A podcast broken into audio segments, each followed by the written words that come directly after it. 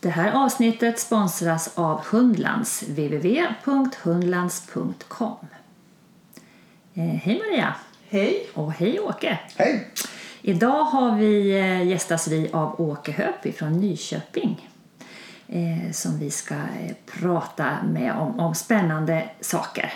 Ja, Åke mejlade en liten diskussionsfråga till oss angående det här vart alla killar har tagit vägen i, i, i princip alla hundsporter. Ja. Och, och vi känner att det där är någonting som vi också själva har funderat på och som vi tycker att det är väldigt intressant. Så vi ska återkomma till den här frågan alldeles snart. Yes. Men först skulle vi vilja börja med att fråga dig Åke. Vad har du, hur ser din hund hur ser ba, din bakgrund i hundvärlden ut? Ja, du, den, eh, min hundbakgrund är väldigt mycket föreningsaktiv kan man väl säga. Eh, jag började, vi skaffade vår första eh, tervuren 1978. Då fanns det inte så många. Och sen har det blivit, jag tror att vi är inne på vår nionde eller något sånt. Det har varit blandade långhåriga tervar. Det har varit någon svart grönendal och just nu är det manle. Så att, och sen har vi haft lite uppehåll däremellan där vi håller på med ridsport istället. Har ni flera hundar i familjen eller? Just nu har vi två. Vi har en malle som jag kör med och så har min hustru en Berger de Pyrénées som hon tävlar och kör med. Så att, och det har varit, ja, det har varit blandad bruks, mycket spår. Vi har kört lite rapport när barnen var mindre. Vi har kört lite sök och lite lydnadsklass. Mm. Ganska brett med andra ord. Ja. ja. Föreningsmässigt så har det varit alltifrån, ja, jag började vara aktiv i Södertälje Brukshundklubb då på slutet 70, under 80-talet och sen i Nyköping när vi flyttade dit. Jag har varit aktiv ordförande även i rasklubben för belgiska kavallhundar ett antal år. Så att mycket föreningsaktivitet har det varit mm. för min del. Mm. Och en del hundtävling förstås ja. och träning. Men eh, du har varit eh, ordförande i Nyköping tidigare. Det här är andra omgången. Det här är andra omgången, ja. Ja, ja det är riktigt. Ja. Jag har varit borta därifrån under de där häståren om man säger så. Eh, och sen har jag eh, blivit ordförande där igen nu ja. i år. Då. Ja. Mm. Trevligt. Vilka frågor tycker du att det är viktigt? Vilka frågor är viktigt för dig att driva i, i klubben? Det som om man, om man jämför föreningsverksamheten nu och tillbaka i tiden så är det svårare att få aktiva människor. Det är svårare att ordna tävlingar därför att det är svårt att få funktionärer. Mycket svårare än vad det var förr. Ja. Eh, trots att klubbarna många gånger är lika stora eller större så är folk mer upptagna och sådär. Hur många medlemmar har ni i Nyköping? 390 ungefär skulle jag Mm. tro om jag tittade senast. Mm. Så i den storleksordningen. Och det är rätt mycket folk tycker man. Men utav den där medlemskadern så är det tyvärr ganska många som är med ett år medan de går valpkurser och sådär. Och sen försvinner man för man hittar inte det där riktiga intresset att fortsätta med hund utan man är intresserad av att få ordning på den man har skaffat sig. Mm. Och det, vi hjälper gärna till med det. Det är, det är ju brukshundklubbarnas funktion tycker jag. Men det är klart att det vore roligt om vi kunde fånga in fler i själva sporten så att de blir kvar flera år. Ja, Ja, precis. sant. Så, så det är det ideella som du tycker att det är lite utmaningen i? Det, har, det är allt mer utmanande ideellt. Det tror jag gäller många föreningsverksamheter, inte bara hundvärlden. Nej, utan definitivt. Men, människor är upptagna eh, och, och tycker att om jag har gått med i en förening så, så förväntar jag mig också en viss service som jag Ja. så. Ja. Eh, och någon ska ju stå för den där servicen. Just det.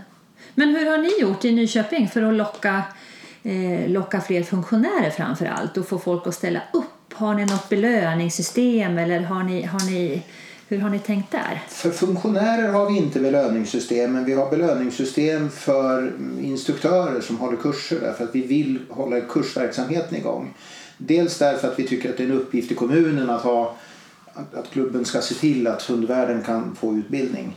Eh, dels därför att det också driver ekonomi och medlemsantal. Eh, så instruktörerna hos oss har en viss ersättning för de kurser de håller. Men andra funktionärer har det inte. Inte om du är spårläggare eller om du ska vara skrivare på planen eller så. Sådana system har vi inte byggt utan där tycker vi att det måste gå på frivillig väg. Mm. Har ni mycket kurser? Ja, har Ja. vi. ja. Eh, alltså vi gick, när, vi, när vi förändrade så vet jag att vi gick från 88 till 40 kurser ungefär på ett år. Och i fjol var vi väl, jag skulle gissa på att vi hade drygt 30. Eh, I år blir det nog lite mindre av coronaskäl då därför att folk har varit försiktiga. Vi var också lite försiktiga i början för man visste inte riktigt hur man skulle bära sig åt. Men vi har ju kurser med som vi ser det bra kvalitet, det vill säga vi har få deltagare. Eh, och då tycker vi Och inte vad att är, vad är få deltagare? Sex stycken i varje kurs. Ja. Eh, och då tycker vi att eh, människor håller ju koppelavstånd och det borde fungera som riskavstånd i coronakrisen också. Det borde vara så. Som sagt, du Åke, du mejlade ju en eh, intressant fråga till oss. Eh, vill du berätta lite om dina tankar? Ja, jag har ju haft som jag sa lite avbräck i just hundsporten och så jag har varit aktiv i ridsport. Och där pratar vi mycket just om problemet att det var egentligen bara tjejer i ridskolan. Eh, och eh, när jag nu eh, återigen är aktiv i hundvärlden så ser jag att det har gått åt samma håll. Alltså när jag började då på slutet på 70-talet då var det ju mer, alltså SPK var ju mer frivillig försvarsorganisation tydligt på den tiden. Eh, och när vi började i Södertälje så var det väldigt mycket män med schäfrar. Eh, så när vi kom med en, med en belgare då så tyckte tittade man lite snett på det och så ville vi köra lite lydnad och det, ja. Bland hermelinerna. Ja, lite så. Eh, och, och vi pratade rätt mycket då i Södertälje på den tiden att det var för lite kvinnor i sporten. Och, och arbetade faktiskt för att det skulle komma flera. Och med lydnadsklassen så kom det också successivt fler kvinnor som, som var aktiva och det var fler och fler på kurserna och sådär. Och nu ser jag att det är precis omvänt. Eh, Vi har på våra kurser eh, huvuddelen kvinnor. När jag själv går på kurser så är det nästan bara jag som är man. Eh, Och tittar jag i medlemsantal och sådär så är det väldigt få.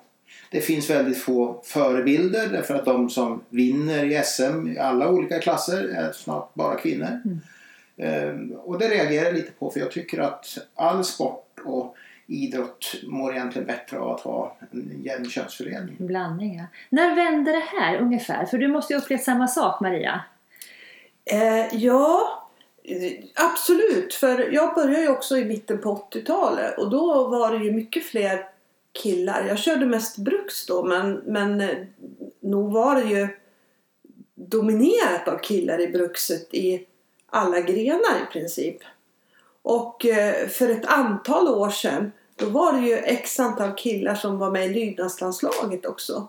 När jag var med första gången i lydnadslandslaget jag kommer inte ihåg när det var men jag tror att det kan ha varit runt 2003 eller 2004.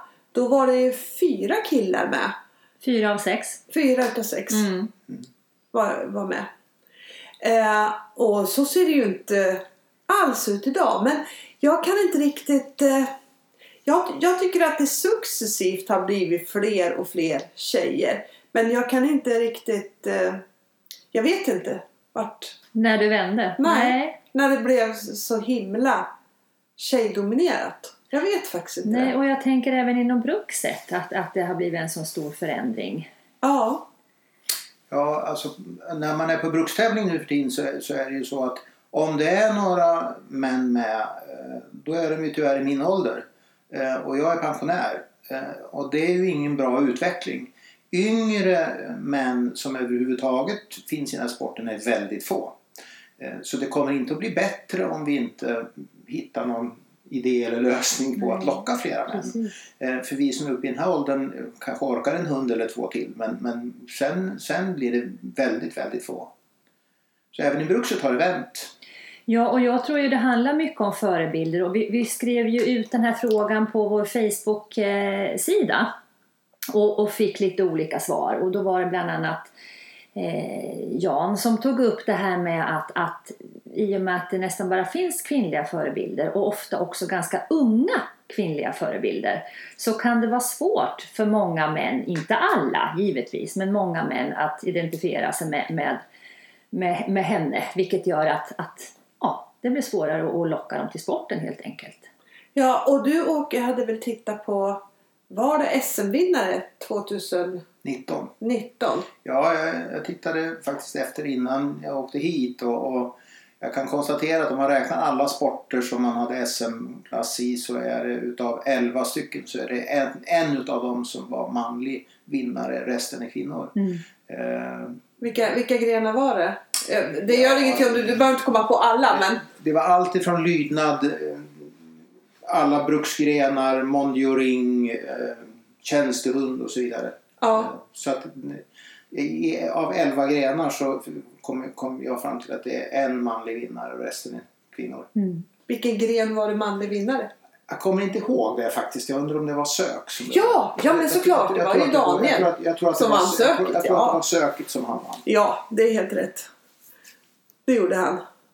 Men finns det någon gren som är mansdominerad? Jag tänker eh, draghundsporten eller vallhundsporten. Där måste det ju vara mycket jämnare fördelning. Det är nog jämnare fördelning men jag tror inte att det, det är någon manlig dominans. Nej, tror jag inte nej. i alla fall.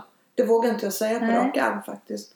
Där har jag inte tittat så det, det kan jag inte svara på. Nej. Men det är möjligt att du har rätt i att det finns sådana. Jag trodde när jag tittade på att jag skulle hitta övervägande män alltså i IGP och i skydd och sådär. Men nej, det, det är nog jämnare om vi ska se till de sporterna. Men, men det, det, det är inte som det var. Det är inte så att männen är övervägande i de sporterna heller. Inte tillräckligt Nej. jämnt. Nej. Nej. Och en, och en ganska eh, intressant iakttagelse som jag har gjort. Det är att eh, när man är ute och har kurser ute i Europa. Så ju längre söderut man kommer ju fler män. Ja. Och i Okej. Spanien väldigt många män. Nästan bara män på kurserna. Och det gäller även tävlingslydnad. Ja. Mm. Det gäller alla, liksom all, all eller det gäller mycket hundträning. Nu har det kommit fler tjejer tycker jag i Spanien. Och det har ju kommit ett par liksom riktigt framgångsrika tjejer i lydnad. Så, så det, kommer, det kanske håller på att ändra sig där men det är fortfarande väldigt mycket killar som tränar där. Och det var ju i år, inte i år, Nej. förra, året, på lydnads-VM så var det ju faktiskt en kille från Spanien som kom tvåa Mm. med en labrador. Just det. Just det. Var. Men har du någon tanke på varför, vad, vad, är det, som- vad är skillnaden som gör skillnaden liksom? Det känns som att det är mer tradition att killarna tränar där. Ja. Som det var hos oss från början. Ja. Då var det kanske mer tradition inom brukset att det var männen som gjorde det. Mm. Det känns som att det är lite så. Men har de en större tjänstehundsbit där nere? Alltså används hunden på ett annat sätt i, i, i större utsträckning i, i Sydeuropa? Än Nej, inte som jag kan uppfatta det. Nej. Utan eh, det, det, det tror jag inte däremot. Men det, det är lite märkligt faktiskt. Eh, Helt klart. Sen vet vi ju inte vad utvecklingen blir där då. Men, men, men igen, vi sa att det var en från Spanien som kom tvåa. Och jag tror att deras landslag jag tror att spanska landslaget är flest män också för den delen. Mm. Här hemma om, när jag jämförde och tittade så, så hittade jag egentligen bara ett ställe där det var jämnt fördelat och det är förbundsstyrelsen i SPK. Så där har väl valberedningen sett till att man har en jämn könsfördelning. Mm. Ser man på andra styrelser i vårt distrikt och sådär då har man ju ungefär representation i styrelsen som det är andel män. Och tittar jag i Nyköping så är det, det var 19% män av våra 390 medlemmar. Och det är ungefär så det ser ut i styrelsen också. Och det gör det i övriga klubbar i distriktet också. Ja. Eh, Och det är rätt naturligt i sig. Men om man jämför det med en bolagsstyrelse där vi säger att man ska kvotera in kvinnor därför att det är för få kvinnor så gör vi ju inte det i hundvärlden. Nej, verkligen inte. Eh, Sen har jag tittat på och funderat över varför har det blivit så här och jag hittar inga självklara lösningar eller idéer kring varför det har förändrats så mycket på alltså så relativt kort tid ändå. Eh, utan eh, det, det tål ju verkligen att fundera på vad är det som gör att männen då har försvunnit ur hundsporten i så stor utsträckning. Eh, och är på väg att försvinna som jag ser det ännu mer just därför att de som finns är lite äldre. Mm. Eh, och de unga tjejerna som kommer in eh, är ju otroligt engagerade och lägger kolossalt mycket tid. Ja. Så det är klart att det kommer att bli ännu större kvinnlig dominans om man inte hittar någon nyckel sådär eh, för Precis. att locka flera män. Mm. Kan det ha någonting med, nu har ju inte sociala medier funnits, ja det har ju funnits länge men jag tror att det här ändrades kanske innan, innan eh, Facebook och Instagram och så blev riktigt så, så stort som det är nu. Men kan det påverka på något sätt? Jag tänker att eh, unga tjejer ofta har, är väldigt aktiva på sociala medier, har många följare vilket gör att det blir ett stort intresse kring den här personen. Eh, kan det bidra till, till eh, den här fördelningen, tror ni? Det var bara någonting jag kom på nu helt plötsligt. Det är inga, inget eh, välgrundat på något sätt, men, men kan det vara något som påverkar? Jag vet inte om det är så att män är mindre aktiva på sociala medier. Det kan hända att det är så. Men, men jag tror det har mer att göra med förebilder i så fall. Mm. Eh, alltså som så ren känsla bara för mig. Eh, saknar man förebilder i sporten och ser att de som lyckas bäst är unga tjejer då, då kanske man inte tycker att det ser lika intressant ut. Liksom. Men om du jämför, du som har, kan jämföra med ridsporten. Var, var, var, var finns likheterna och var finns skillnaderna? Likheten tycker jag är att om vi tittar på bredden i föreningarna eh, så är det både i ridsporten och hundsporten så att det är övervägande tjejer. Skillnaden är att om kommer du till ridsporten och tittar på toppskikten då är det mycket jämnare. Där är det faktiskt rätt mycket män Mm. som, som ändå blir förebilder och det lockar ändå inte unga killar in i ridsporten om vi ska vara ärliga. Så där har ju inte förebilderna hjälpt om vi ska se det så. Nej, då inte Men, den men i toppen är det jämnare i ridsporten än vad, eh, än vad det är i hundsporten. Ja, men nu har vi ju pratat om problemet. Eh, om det nu är ett problem, det vet inte jag. Men, men det är ett faktum i alla fall. Men finns det, finns det någon lösning? Vad, vad ska man göra för att ändra på det här? Jag som ju är föreningsaktiv kan ju notera att det, man, man driver olika former av projekt ifrån Bruksenklubben till exempel. Men jag kan inte hitta någonstans att man egentligen har identifierat det här och försöker fundera över hur skulle vi kunna locka män in i föreningen. Man, pratar, man redovisar hur många medlemmar man har och hur utvecklingen är över åren i verksamhetsberättelser och sådär. Men man redovisar inte hur många av medlemmarna som är kvinnor respektive män. Om det innebär att man inte har upptäckt att det är väldigt stor skillnad eller att man inte vill berätta att det är väldigt stor skillnad, det vet inte jag.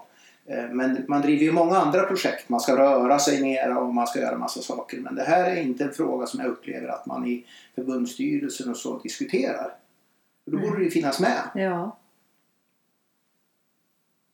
Ja, vad tror du Maria? Man, man skulle ju vilja veta anledningen. Ja, man skulle vilja veta vad, vad som, vad, varför det är så många som har slutat som har tidigare varit aktiva och som tidigare har varit... Det finns ju många exempel på många som har varit väldigt duktiga Mm. som, har, som har slutat som jag kommer ihåg från ja, men 80 och 90-talet där då. Mm. Som eh, kanske var i min ålder som, som också Ja men, som man, ja men som man helt enkelt undrar vart de Vart har de har tagit tagit vägen vägen, och ja. varför de Ja. har slutat. Ja. För det har ju varit liksom jätteduktiga och eh, jätteflitiga hundmänniskor. Och liksom, jag, jag vet inte. Jag, jag skulle vilja veta vad det är som gör att att det helt enkelt attraherar så få som det gör idag. Det, det, det, för det är ju så det är liksom. Annars så skulle det vara fler. Det här är ju en, en fråga, jag tycker att vi kan, det vore väldigt intressant att höra fler tankar om det här från våra lyssnare. Ja. Och kanske även från eh, aktiva inom SBK. Jag tänker i, om, om det överhuvudtaget funderas över det här eh, i styrelsen och, och, och eh, kansliet och så vidare. Eh, om det är någonting som man, man upplever det som ett problem eller inte. Eh, och, och om det på sikt kan bli ett problem om det är så att vi, vi till slut inte har några män överhuvudtaget. Riktigt så illa kommer det väl inte bli men att det försvinner fler och fler i alla fall. Ja. För jag tror ju som du att en blandning är jättebra oavsett om det gäller föreningsverksamhet eller eh, arbetsmiljö och så vidare. Jag tror att det är väldigt, väldigt viktigt att det finns en mix. Jag tror det är Mm. bra. Ja. Och, och, och en av mina träningsgrupper som jag är med i, då är det 50-50 med tjejer och killar. Och det, det, det är en väldigt kul och bra blandning tycker jag. Mm. Det blir en liksom dynamisk blandning på det viset tycker jag. Mm. Men eh, det är ju tror jag inte jättevanligt Nej, verkligen inte. längre att det, att det är så. Det var ju någon av våra läsare som skrev också att det var mer folk inom eh, vad heter det här när man springer och cyklar med hundarna? Nej, men drag, var det inte draghundsporten? Dragsporten Ja, precis. Ja. Som, som hon upplevde att det var mer. Men då tänker jag mig också att beror det på att det är en ganska fysisk gren? Att det attraherar mer män? Men å andra sidan då borde ju skyddet och, och, och den biten också eh, ha många killar. Det är också Ja. en fysisk gren. Och, men liksom, man kan ju tycka att bedömningen har blivit mycket, mycket mer petig och att det kanske skrämmer bort en del som inte vill hålla på och finlira så mycket. Men det gäller ju inte för alla. Det gäller ju inte Nej. för alla hundsporter. ändå. Nej, och alla män är inte likadana. Det finns ju män som gillar att finlira också såklart. Absolut! Ja. Självklart! Ja. Och som är jätteduktiga på det. Vi fick ju ett svar också. Där tror jag det kan ligga någonting. Nu ska man ju som sagt inte generalisera, men det gör man ju ändå gärna. Att, att män generellt har, har svårare att fråga och be om råd. Och om jag går till min egen man så, så kan ju det stämma ganska bra. Eh, är man ute och åker och, och inte, nu finns det ju GPS nu för tiden, men, men när det inte fanns det och man var ute och åkte i Europa och inte riktigt hittade och jag sa, men ska vi inte stanna och fråga om vägen? Nej, det skulle vi inte göra, för han skulle hitta min sann. Eh, även om det då tog en timme längre så fanns det liksom ett värde i att fixa det själv. Eh, så, och jag vet inte, du var lite inne på samma sak där Maria. jag är också lite Ja. inne på samma sak. Att, att eh, man inte, det är ju sån otroligt stor kultur bland hundfolk. Eh, och bland tjejer framförallt. Och, och gå mycket kurser. Mm. Eh, försöka uppdatera sig, försöka bli bättre hela tiden. Och, eh, jag vet inte om det är så, det känns inte som att att män gör det i samma utsträckning. Nej. Men jag vet inte. Nej, det är bara en svårt. känsla. Det är en känsla. För man, nu är inne på har. manligt och kvinnligt och det är lite farligt att vara inne på för att det finns, Ja. det finns ju liksom inga klara gränser där. Absolut Men, inte. eh, Det, det stämmer ju inte med ridsporten. För om du tittar på Nej. ridsporten och de som finns i toppen. Där vågar jag säga att männen är ju väldigt finslipade och noggranna. Ja. Ner i minsta detalj. Precis som tjejerna i ridsporten. Ja, Eh, Så, så varför dyker inte de männen upp i hundsporten Mm. då? ja. Eh, Jag har funderat lite över, alltså vi, vi pratar väldigt mycket om att vi har eh, belöningsinriktad träning med hund. Det hade vi ju inte kanske på samma sätt förr utan man, man bestämde mer att nu är det jag som leder det här. Eh, Och jag ser att om, om du tittar på kursdeltagare i nybörjargrupper då har män väldigt svårt att släppa loss och visa känslor och, och vara sådär svallande positiva medan tjejerna har mycket lättare för det. Den är Eh, spännande, Så, så om ni tycker jag. frågar instruktörerna så tror jag de säger ja vi får jobba med killarna därför att de, de måste våga visa mer när det är riktigt bra och så här. Just det. Eh, Så om, om, man, om det har en betydelse vet jag inte men, men jag kan se att det finns en skillnad där. När de kommer som, med sin nya hund liksom. Ja. ja. Där tror jag att du kan ha en poäng. Jag tänker att träningen i sig har ändrats från det här lite mer militäriska och, och, och som du säger ledarskapsinriktade träningen till, till en mjukare, mer belöningsbaserad träning. Så det, det kan vara en bidragande orsak. Absolut.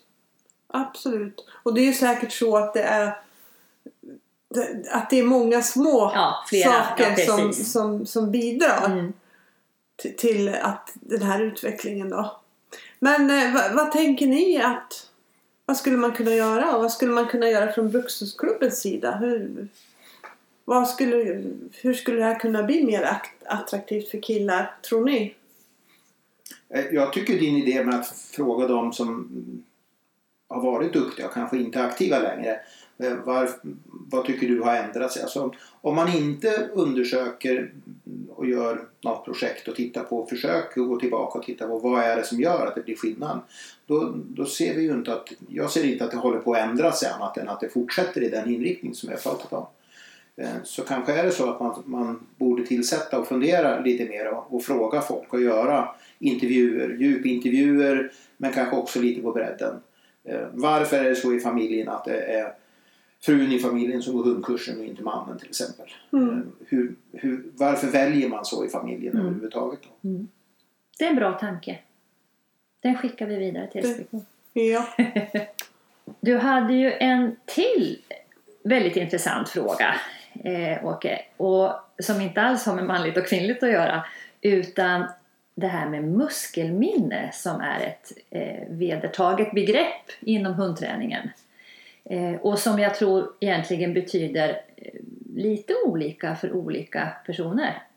Vad, eh, vad, hur, hur, hur kom du att tänka på det och varför tycker du att det var intressant att ta upp det? Det är ett uttryck som jag har stött på alltså på, på kurser, eh, bland träningskompisar och sådär. Så säger han att om jag gör så här för då får hunden ett muskelminne. Och då, jag är lite sådär så då funderar jag på muskelminne, vad är det för någonting? Och så försöker jag ta reda på vad är egentligen muskelminne. Och, och det visar sig att det, det finns inte så hemskt mycket och det, det, betyder olika saker som du säger för olika inriktningar.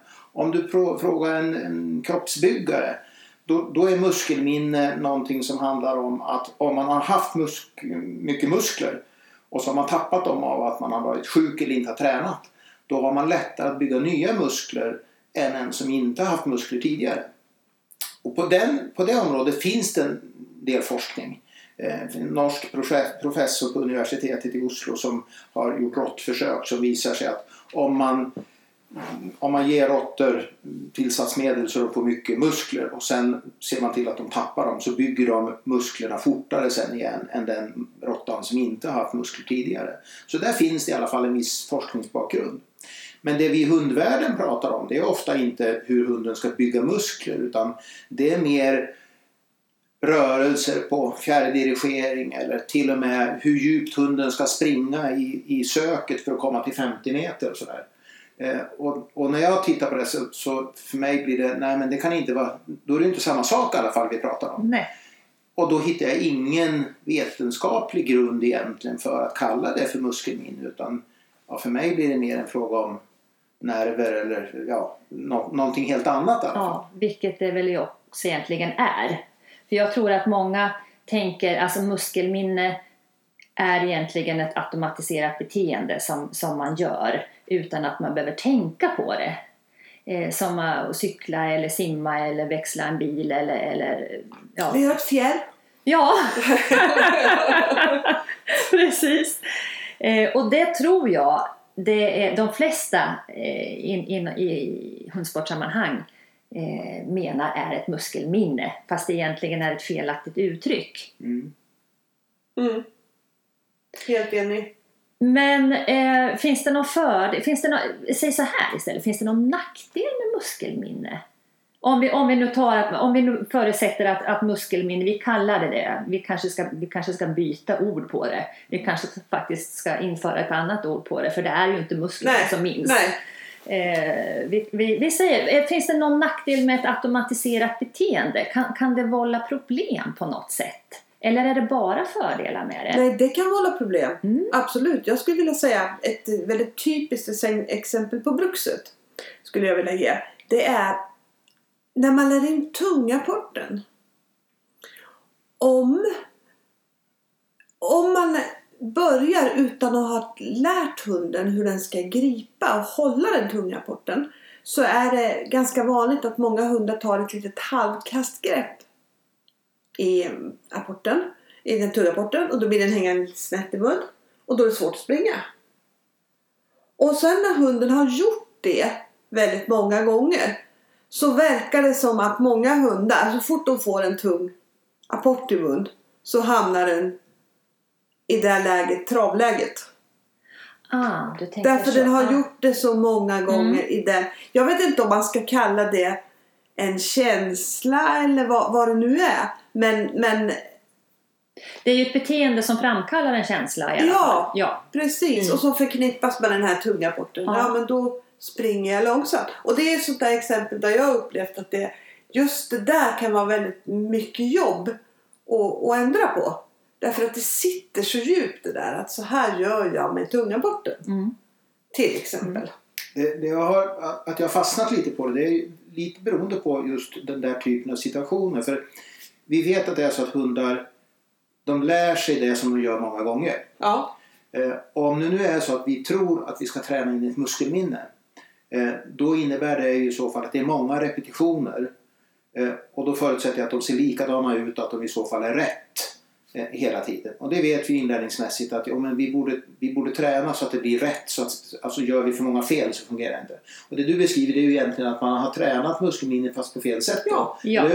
Eh, och, och jag tycker bara att det blir farligt om vi tror att det är så att ett muskelminne jag tränar på så tränar jag och så har jag hela, tränar jag egentligen hela tiden på fel sak. Eh, Då, då, är det ju, då blir det ju felaktigt. Då blir det Men så om du tränar en fjärrdirigering att hunden ska ha fasta framtassar så då blir det kanske rätt därför att du gör det hela tiden och då har lä- hunden lärt sig det. Mm. Men, men för mig blir det inte ett muskelminne ur den aspekten Nej. utan det är ju någonting annat vi menar i alla fall. Mm, vi kan precis. kalla det vad vi vill Ja. Eh, naturligtvis. Eh, Men det, blir, det är ju två helt olika saker. Mm. Liksom. Men när vi är ändå inne på, på det här som jag tycker är intressant då, då kommer man ju in på, vi har pratat hund. Men oss, oss förare då? I vilka situationer kan vi ha Ja men alltså, alltså nu, nu kommer vi fram på det som är riktigt, riktigt intressant egentligen. Som jag tänker jättemycket på nu. När du tränar din hund, om du är medveten exakt vad du ska göra med din kropp hela tiden. Om du har torrövat jättemycket på det sätt med de sakerna du ska göra i olika lägen när du lär in olika saker. Då kommer du kunna liksom agera med, en helt an, med ett helt annat tryck och en helt annan pondus. Och det kommer att både lättare att få hunden göra rätt och det kommer bli ännu lättare att få hunden i, i rätt energi. Ja, och man har ju själv mycket närmare mellan tanke och handling Ja! Eh, om man vet exakt vad man ska göra utan att behöva tänka på Ja, det. och det, det, det, det, är en sån här grej som jag tänker som muskelminne fast det ju inte är Det är inte- det är inte som till musklerna som- exempel om jag ska hjälpa hunden in med min hand. Om jag kan göra det perfekt, om jag kan göra exakt rätt och på exakt rätt ställe och ganska kvickt och göra det utan att tänka på det så att jag kan ha koll på vad hunden gör samtidigt så är det ju det är mycket, mycket större chans att det kommer att bli riktigt, riktigt bra. Så jag tror att det liksom det, det, det nya som jag själv håller på att experimentera med det är liksom mycket torrträning. Det är liksom allt det här ska sitta i kroppen som jag gör. Jag ska inte tänker du- göra det tillsammans med hunden. För varje gång jag gör det tillsammans med hunden så blir det oftast inte nu, nu, nu är vi inne på vad, vad man ska kalla det men jag skulle vilja kalla det inte den stund så inte den energi Nej, i det man ska göra. nej. Och framförallt inte om jag måste tänka och göra nej, samtidigt. precis. För tänka är ju någonting som verkligen bromsar upp både Det, det tycker jag är jätteintressant därför att jag tycker också ofta att vi, vi väger in vi tror att hundarna tänker mer än vad de gör om jag säger så. Eh, alltså om vi tittar på den här typen av det vi nu kallar muskelminne. Att hunden i nerverna ska göra vissa saker så tror jag egentligen vi som förare har större förutsättningar. Tittar man på Wikipedia så hade man exempel på muskelminne med en trombonist som skulle då föra ut sin, sin trumpet och hamna på exakt rätt ställe för att få rätt ton. Och det är ju samma typ som du säger att om jag lär kroppen, om, om jag som förare lär mig att göra rätt, då vinner vi mycket på det. Där tror jag vi har större chans att tro att vi själva skulle klara det än att hundarna skulle göra det. För jag tror att deras förmåga att tänka ut vad vi vill att de ska göra, den är inte lika stor som vi tror. Utan de gör det som de förväntar sig att jag vill att de gör. Eh, Ja, och det är de är mest motiverade för. det- och, Ja. som, och som de har gjort flest gånger. Ja. Ja, som man flest Absolut. gånger är det nog så viktigt alltså.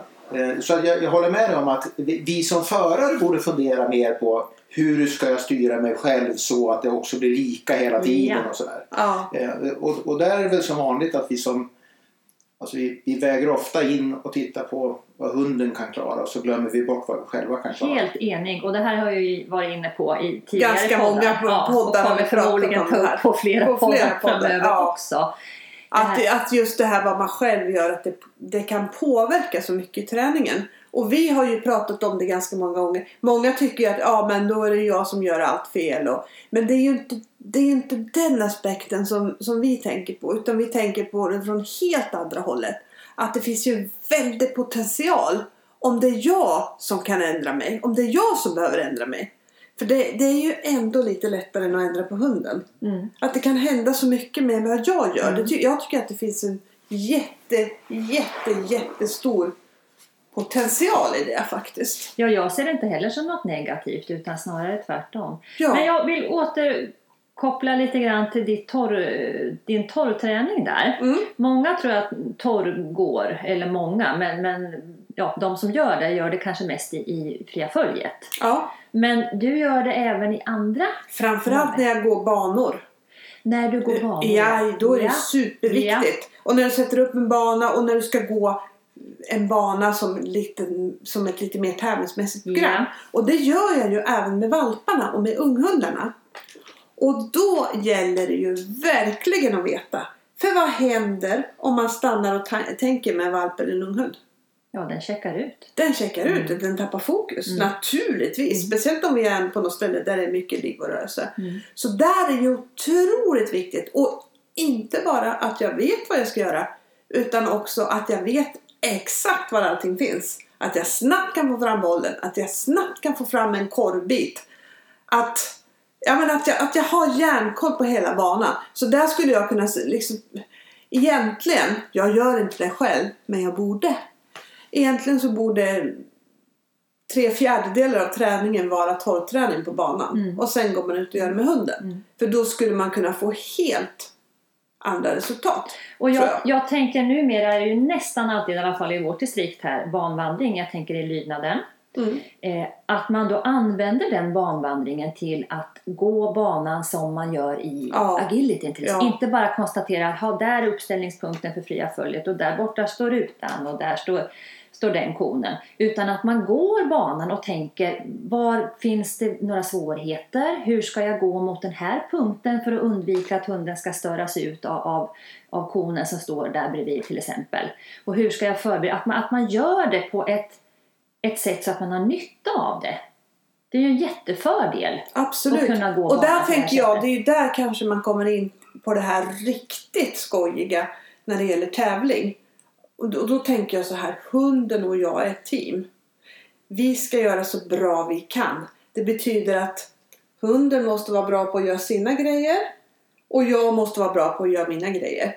Och jag har ju kanske lite fler saker att göra än hunden. Jag är ju inte bara en lagspelare utan jag kanske är coachen i team hund. Hunden och jag Ja. också. Mm. Så det ställer ju ännu liksom här. Så, så den saken är så himla kul att försöka tänka hela tiden. Vad skulle jag kunna göra bättre Mm. för att våran Jätte- prestation ska kunna bli bättre? fråga som jag tror många glömmer bort för man är så inriktad på hunden och hundens färdigheter. Ja. Och sen så glömmer man liksom bort att ja, fast hunden påverkas ju väldigt mycket av mitt agerande. Exakt. Det är intressant. Jag hör ju inte till de som har torrtränat särskilt mycket måste jag erkänna. Men om jag jämför med ridsporten tillbaka igen och så tittar ni på en hopptävling så, så går de ju och de, de, de stegar ju. Hur många galoppsprång ska jag ha? Mm. Och i kurvorna så gäller det att böja av så mycket som möjligt. För att tjäna ett galoppsprång så är det en sekund. Eh, Så de är ju väldigt noga innan tävling att man stegar exakt och går banan flera gånger. Inte bara för att hitta till hindren utan just räkna ut vilken väg ska jag ta, vad blir mest optimalt. Eh, och det, det är ju inte så ofta man ser det i lydnadsklass Nej, tycker jag. Nej. Fast man har banvandring. Ja, precis. Och då, då, då kan jag också tänka, då är det många som säger, för, för man har ju banvandring, men sen när man kommer in på plan, när man är domare och tävlingsledare, så märker man ju att det är många som ändå inte hittar runt. Och då gör man ju också lite svårare för hunden om jag inte vet vart det ska gå. Om jag irrar lite på planen så blir det lite svårare för hunden. Eh, och då är det många som säger, "Nej, men jag klarar inte det för jag är så nervös. Men då, då säger jag det igen. Om du inte klarar det när du är nervös då har du inte gjort det tillräckligt mycket på träning. För det här kan du inte lära dig på tävlingsdagen när du är nervös. Utan det här är någonting som man får träna sig på i träningen. Precis. För då kan man klara det när Ja. man är nervös. Ja. Men om, om man aldrig gör det förutom på tävling så är det väldigt svårt Mm. skulle jag vilja säga. Men jag tycker det är en jätte... Det är någonting som jag själv kommer att se mycket mer på i träningen. Ja, och det här är faktiskt. ju också någonting om vi ska återgå till de här automatiserade beteendena. Eh, lite grann hur man tänker, hur man går mellan momenten, hur man ställer upp, var hundens blick ska vara. Mm. Eh, om jag sköter mina uppgifter och, och försöker se till att och hjälpa hunden på bästa möjliga sätt så ökar ju förutsättningarna för att det blir en bra prestation såklart. Och det här är ju också någonting som man kan se på tävlingarna. Vi, vi gjorde på våran klubb ett upplägg som inte vart så bra egentligen. Därför att vi gjorde man gjorde inkallningen på ena sidan av planen. Sen vände man upp och skickade mot rutan och rutan gick liksom lite snett neråt. Och jag tror att vi hade 18 stycken i den klassen. Och alla hundar, när de ställde upp för rutan, sprang till hindret. Utom två. Mm. Och, och det, där, det där hade inte tävlingsledaren sett då. Och det fanns ingenting i den banan som gjorde att man kunde förutse det. Det var absolut inte någon som hade gjort en fälla. Nej. Men det var, det var tydligt, de fick den där i blickfånget. Och då kan man säga, okej de första, jag, jag förstår det. För jag hade nog själv kanske inte anat att det där skulle hända. Om jag hade gått med hundar haft tillstånd så hade jag inte anat det. Men det var ju så himla många som hade sett det där hända. Mm. Och, och, men så väldigt få som hjälpte sina hundar. För de två som klarade, det var två som gick i slutet, som hade sett det här. Så de var lite smarta när de vände upp sin hund. För de vände upp sin hund på ett sätt så att de inte såg hindret. Så att Nej, de inte fick chans att ta hindret. Utan De var väldigt, väldigt noga med att vända sig bort och vrida upp hunden så att de själva hamnade lite i vägen för för hindret. Framförallt innan de ställde upp då. Mm. Och, och då, då, då tänker jag, för det är ju sånt här typiskt sätt också som jag som förare kan Ja, påverka och definitivt. hjälpa hunden genom att se vad som har hänt Mm, tidigare. mm. Och det kan man ju ofta se på många tävlingar att det finns ju det, det finns fällor i vissa banor. Och har jag sett dem innan, ja men då kan jag ju försöka liksom fixa till det. Ja, absolut. Försöka hjälpa hunden så Ja. mycket det bara går Mm. faktiskt för att få till det. För där igen, då, då jobbar vi också på team, hunden och jag. Finkänsla. Mm. Och att jag själv har också ett stort ansvar för att det blir bra. Att jag gör allt jag kan. För när vi väl är inne med hunden på plan så vill vi att, alltid att hunden ska göra allt vad den kan. Ja. Ja. Ska vi försöka sammanfatta den här podden? Två helt skilda frågor. Ja, Men om vi återgår lite till den första. Hade vi någon lösning på det här med kvinnligt och manligt? Hur ska vi locka flera killar till våra klubbar och till, till, till hundsporten? Jag, jag skulle vilja gärna se att man åtminstone pratade lite mer om det. Eh, om vi är överens om att man i eh, alla typer av träning och organisationer får bättre dynamik om det är en jämnare fördelning. Så om, om vi pratade och funderade mer på det så kunde man ju hoppas att i de här grupperna där det är eh, mera tjejer att man försökte bjuda in killar. De kanske är för blyga för att, komma dit och säga jag skulle också vilja vara med. Eh, Försök bjuda in några killar så kanske det blir bättre grupper. Mycket bra tanke. ja, håller helt med. Den frågan, eh, eller, eller de- den tanken hoppas jag att många tar till sig.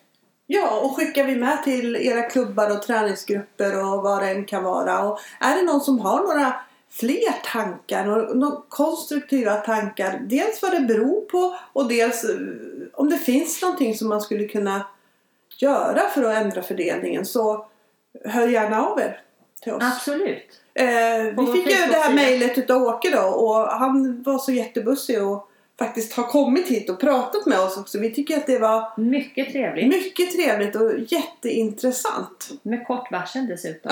Ja. Och sen kan vi ju komma fram till att muskelminnet minnet sitter inte i musklerna utan det sitter i nervsystemet och i hjärnan. Sen kan vi ju kalla det vad vi vill. absolut. Det får bli, det får bli slutord på den Det här får bli podden. slutord på den här podden. Tack snälla Åke för att du kom hit. Kul att vara här. Tack Maria. Tack Helene. På återhörande. Absolut. Och det här avsnittet sponsras av www.hundlands.com